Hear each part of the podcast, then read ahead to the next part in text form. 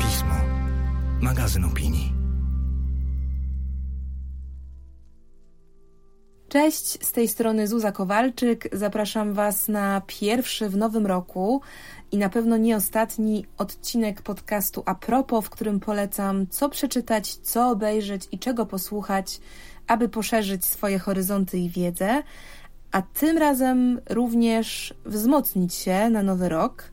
nabrać perspektywy, ale też naładować dobrą energią, bo chyba nikogo to szczególnie nie zdziwi, że skoro na nowy rok, to będzie to odcinek a propos odnowy. Po wiadomych koszmarach 2020 roku wszyscy chyba spoglądamy w ten nowy rok z jeszcze większą niż zwykle nadzieją na odmianę.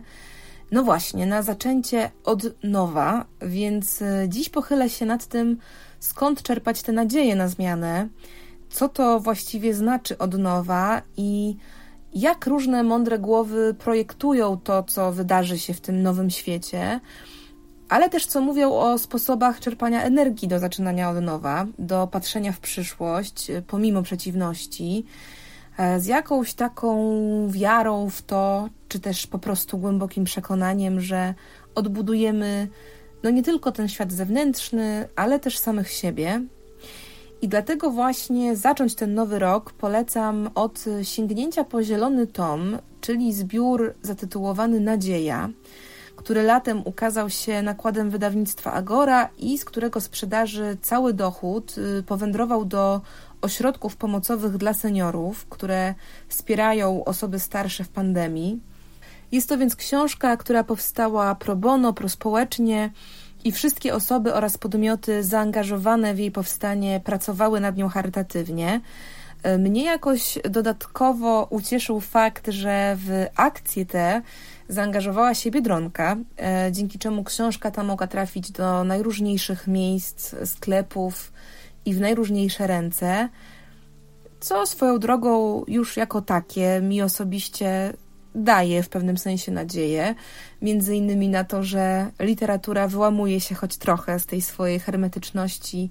i mam nadzieję będzie na powrót stawać się jakimś takim nośnikiem coraz bardziej dostępnym i powszechnym. Zwłaszcza jeśli powszechnie dostępne będą takie książki jak właśnie Nadzieja, ponieważ jest to zbiór, w którym polscy pisarze i pisarki a dokładniej czterdziestka najlepszych polskich pisarek i pisarzy, e, takich choćby jak Olga Tokarczuk, Hanna Kral, Wiesław Myśliwski, Andrzej Stasiuk, Mikołaj Grynberg, Małgorzata Reimer, Filip Springer, Sylwia Hutnik, Paweł Reszka, no i wielu, wielu, wielu innych, zmierzyli się z tym e, wyświechtanym, a jednocześnie jakoś mam poczucie bardzo nam wciąż potrzebnym, a może zwłaszcza dziś potrzebnym, pojęciem nadziei. I może właśnie poprzez tę wielość spojrzeń i perspektyw, to pojęcie nadziei staje się w tej książce jakoś nieoczywiste, e, bo nie zawsze staje się tutaj źródłem opowieści krzepiących i podnoszących na duchu, ale nie znaczy to, że tego pokrzepienia w tej książce zupełnie nie ma. E, wręcz przeciwnie, Myślę, że ta książka przede wszystkim pokazuje, z jak różnych stron to pokrzepienie może płynąć.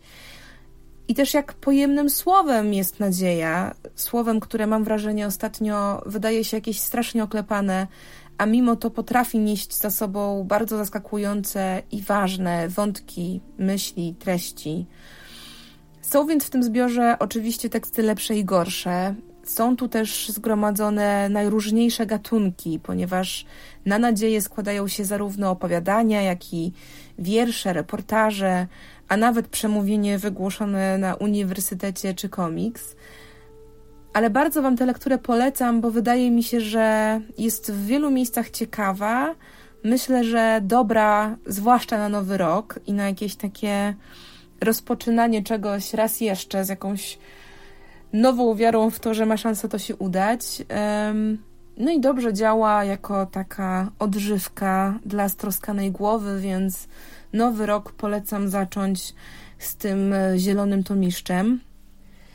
A do tego, kontynuując ten wątek nadziei, polecam tym z Was, którzy czują się swobodnie w języku angielskim, anglojęzyczny podcast zatytułowany Solvable,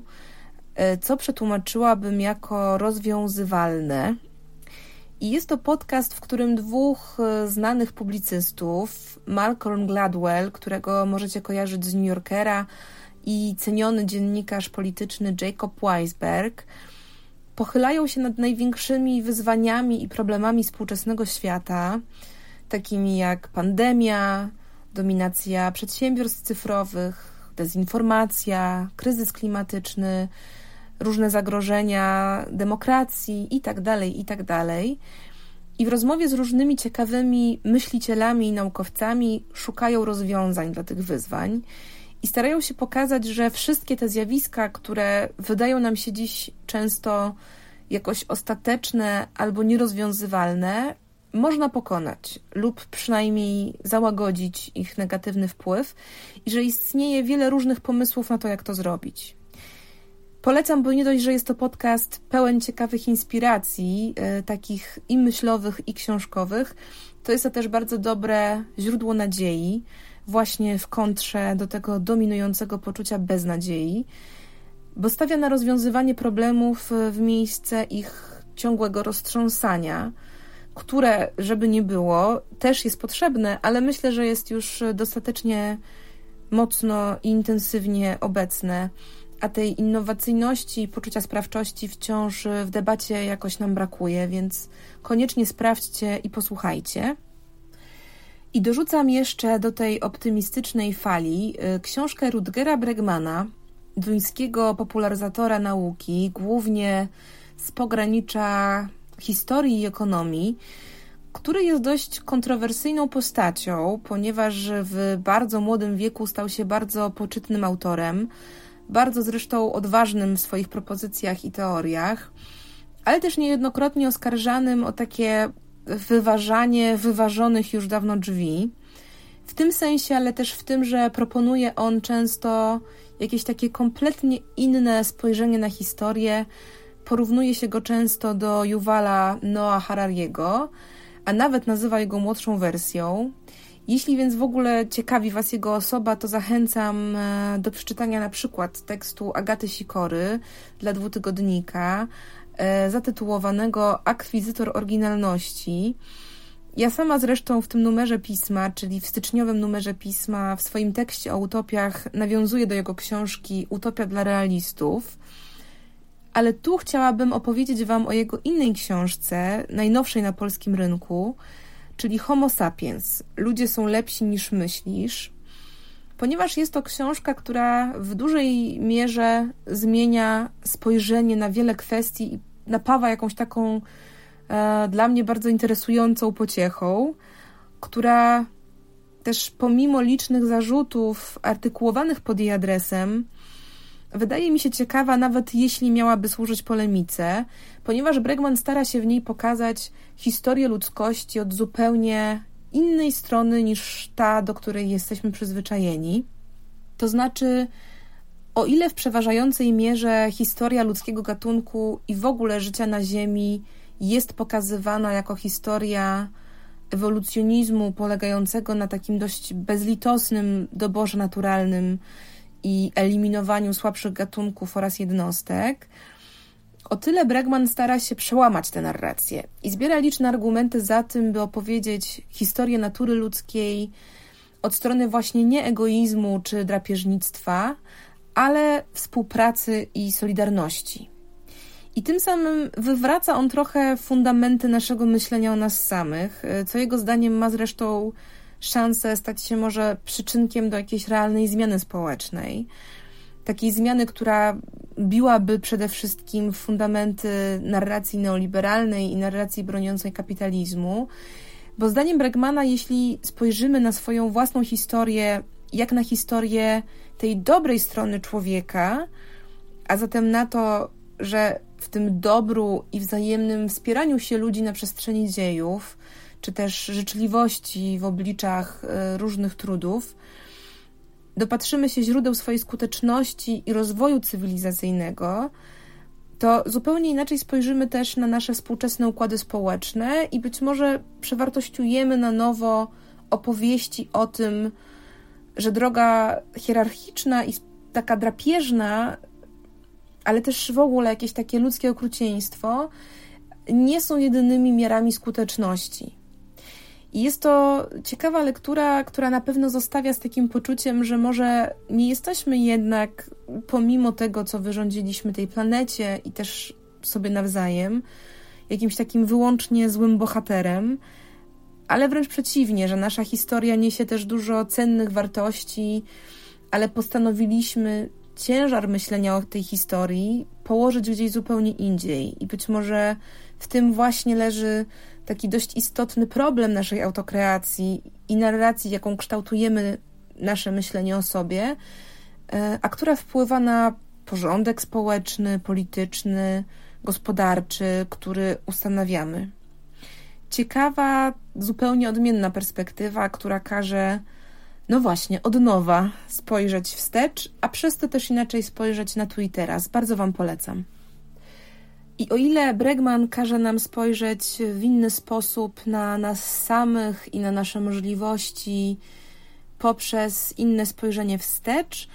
o tyle ciekawe jest też to, jak na przestrzeni wieków wyglądało inne patrzenie w przód i walczenie o istotne zmiany społeczne. I tu polecam pozycję dużo bardziej naukową, ale nie mniej ciekawą, która dla mnie dobrze uzupełnia to, co dzieje się dziś na ulicach, ale też e, w ogóle w społecznej świadomości odnośnie praw kobiet. Wydawnictwo Uniwersytetu Jagiellońskiego wydało w 2019 roku książkę zatytułowaną Utopie kobiet 100 lat praw wyborczych kobiet, która jest zbiorem tekstów poświęconych e, relacji kobiecości jako tożsamości, praktyki społecznej, ale też pewnego rodzaju działania zbiorowego wobec rzeczywistości społecznej w Polsce. I znalazły się tutaj teksty naukowczyń, artystek i aktywistek. Z jednej strony o wartościach i niebezpieczeństwach takiego utopijnego projektowania świata, w którym podmiotowość kobiet nie budziłaby wreszcie żadnych wątpliwości, ale z drugiej też o trudach i wyzwaniach e, samego feminizmu, takich jak e, ruch MeToo, macierzyństwo, gender, kwestie niepełnosprawności itd. Tak Czyli tym wyzwaniu, aby feminizm pomieścił i objął wszystkie kobiety, a nie tylko te, które w jego krzewienie są najbardziej zaangażowane. E, jest to bardzo pogłębiona i wielostronna lektura, która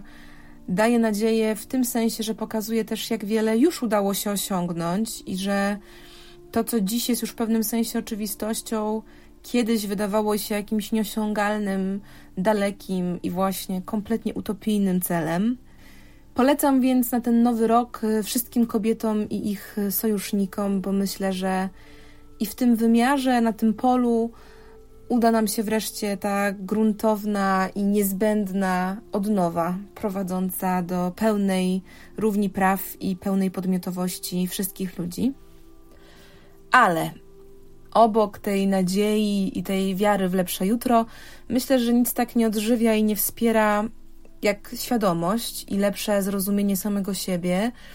a więc też swoich stanów i emocji, zwłaszcza tych najbardziej niełatwych i nieprzyjemnych i w tym kontekście polecam Wam książkę Niepewność rozmowy o strachu i nadziei, czyli zbiór wywiadów przeprowadzonych z psychologami, terapeutami i etykiem tuż po wybuchu pandemii. Agnieszka Jucewicz i Tomasz Kwaśniewski rozmawiają w niej o różnych niewygodnych i trudnych objawach i uczuciach,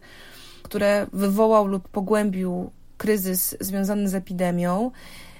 jakoś tak y, mam poczucie, że wszyscy takich rozmów, y, to znaczy wiedzy, ale też takiej pociechy płynącej z tego, że nie jesteśmy w różnych trudnych emocjach i reakcjach sami, y, że jakoś tego wszystkiego bardzo potrzebujemy i że to jest taki rodzaj wsparcia, którego nie da się zastąpić niczym innym.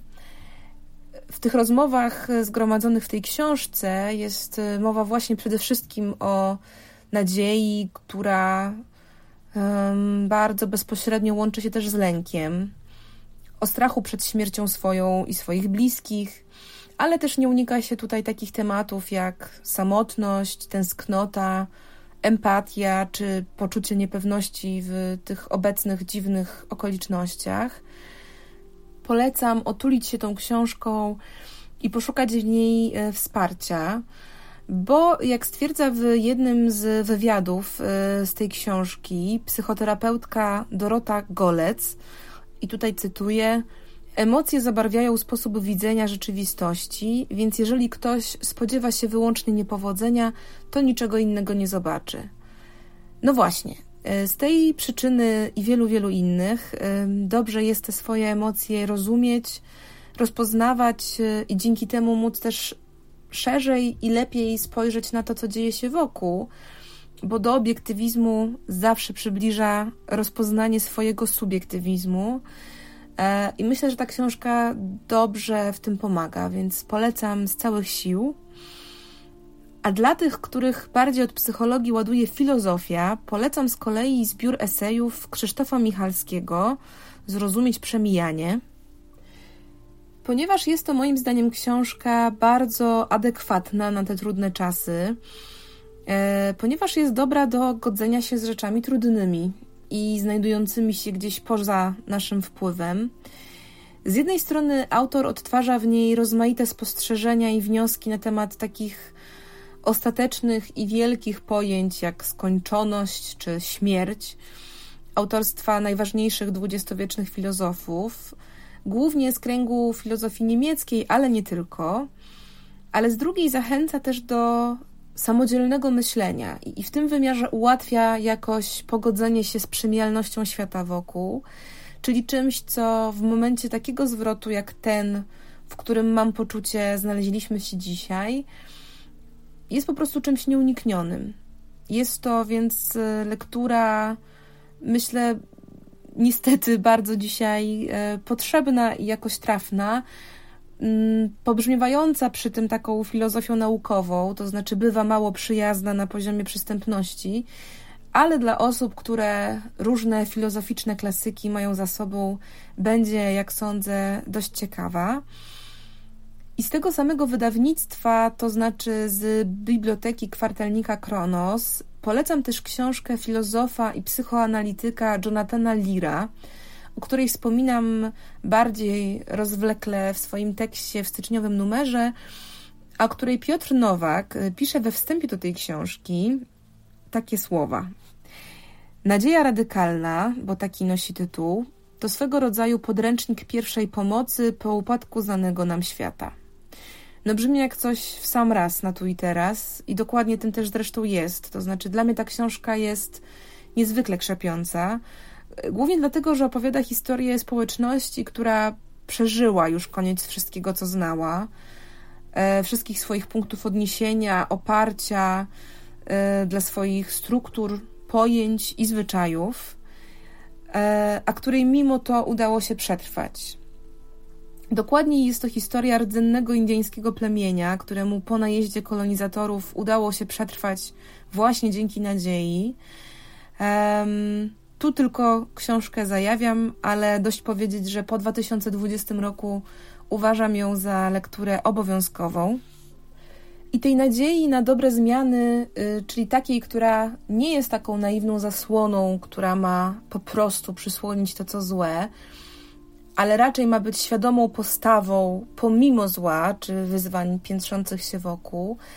dostarcza również dokument o moim y, i sądzę nie tylko moim ulubionym e, biologu, podróżniku i twórcy, Davidzie Attenborough, który to zresztą został też bohaterem okładkowym grudniowego wydania magazynu książki. E, no bo 2020-2020, a nad nami czyha przecież nie tylko pandemia e, i to, co wydarzyło się bezpośrednio w tym roku, ale też groźba katastrofy klimatycznej. I tu również chciałoby się zacząć od nowa, tu również chciałoby się chwycić jakąś nadzieję. I w tym kontekście polecam bardzo mocno film David Attenborough Życie na naszej planecie, który puentuje ten bardzo znany i udany cykl Netflixa Nasza Planeta, czyli serial dokumentalny, który uważam za najlepszą chyba lekcję zachwytu i troski o przyrodę i który uważam powinien być puszczany na lekcjach biologii w szkołach na całym świecie.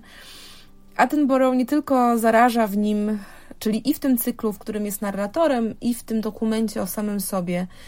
miłością do ożywionego świata. Nie tylko mówi jasno, że jeśli nie naciśniemy dziś hamulca w kwestii eksploatacji zasobów ziemi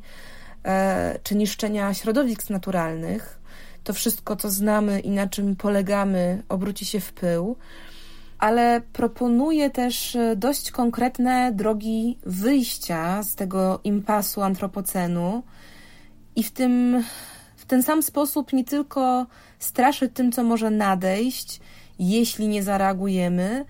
ale daje też e, nadzieję na ratunek, a zatem na powstrzymanie tego, co już wprawione w ruch i odnowę tego, co już zniszczone.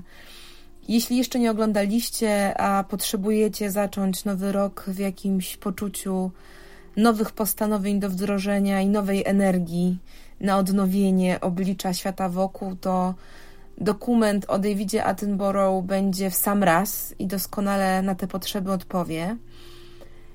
A ponieważ lęk wzbudza nie tylko brak nadziei, ale też brak spójnej, szczerej i porządkującej chaos dookoła nas opowieści o teraźniejszości i możliwych scenariuszach przyszłości, to ja sama zacznę nowy rok z książką Przemysława Wielgosza Witajcie w cięższych czasach, której tytuł y, może nie napawa optymizmem, ale z której, y, tak zresztą jak z każdej prawdy i takiej pogłębionej świadomości o świecie, postaram się jakąś nadzieję dla siebie wydobyć. Zresztą podtytuł już trochę ratuje te beznadzieje i pogłębia opis zawartości, ponieważ brzmi Polski kapitalizm, globalny kryzys i wizję lepszego świata. I w książce tej Wielgosz mierzy się zarówno z historią ruchów społecznych i politycznych, e, jak i wpływem tej historii na teraźniejszość, jak i tematem możliwych dróg przełamania tego, w jakim kierunku ta historia dalej zmierza. Tłumaczy też, e, dlaczego to takie ważne, aby zdać sobie sprawę z tego, kto jest szczególnie uprzywilejowany i jak to uprzywilejowanie wpływa na kształt obecnego świata. E, I przede wszystkim poprzez przeanalizowanie zjawisk, nurtów i mechanizmów, które nas dziś pozycjonują i określają,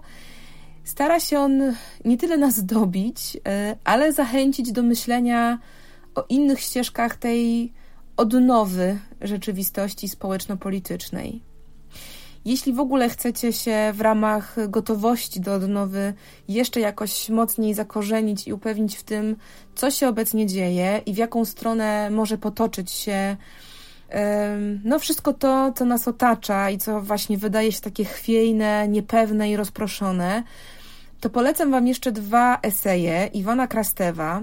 Jeden króciutki, zatytułowany Nadeszło jutro, jak pandemia zmienia Europę. Drugi, zdecydowanie bardziej rozbudowany, y, bo pisany mniej na gorąco, jeszcze przed pandemią. I to wespół z profesorem prawa i politologiem Stevenem Holmesem. Światło, które zgasło. Wręcz można potraktować nadeszło jutro jako taki uaktualniony suplement y, do światło, które zgasło. Oba te teksty mówią przede wszystkim o Europie i tak zwanym globalnym zachodzie i tej perspektywie, mm, czyli trochę takim świecie, który przechodzi od kilku lat dość poważny kryzys,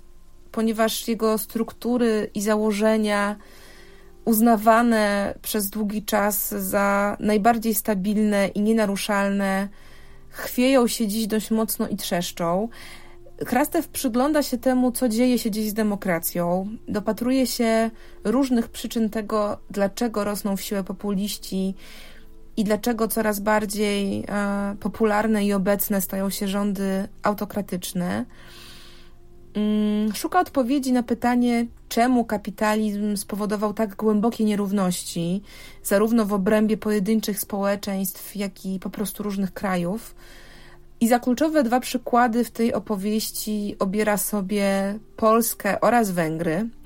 Więc jeśli szukacie lektur, które Was mocniej osadzą w świadomości teraźniejszości i dadzą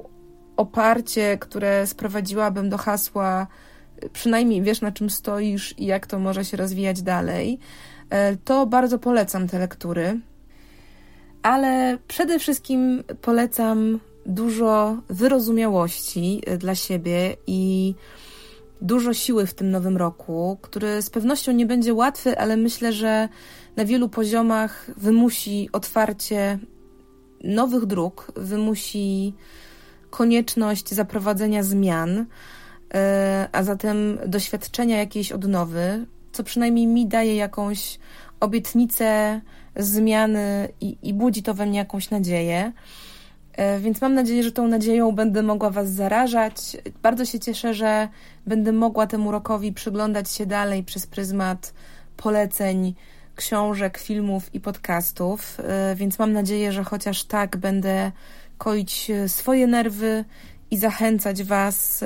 czy też sprzedawać Wam metody na kojenie swoich nerwów. I cieszę się, że mogę zacząć ten nowy rok kolejnym odcinkiem a propos a ten odcinek zakończyć jak zwykle słowami do usłyszenia.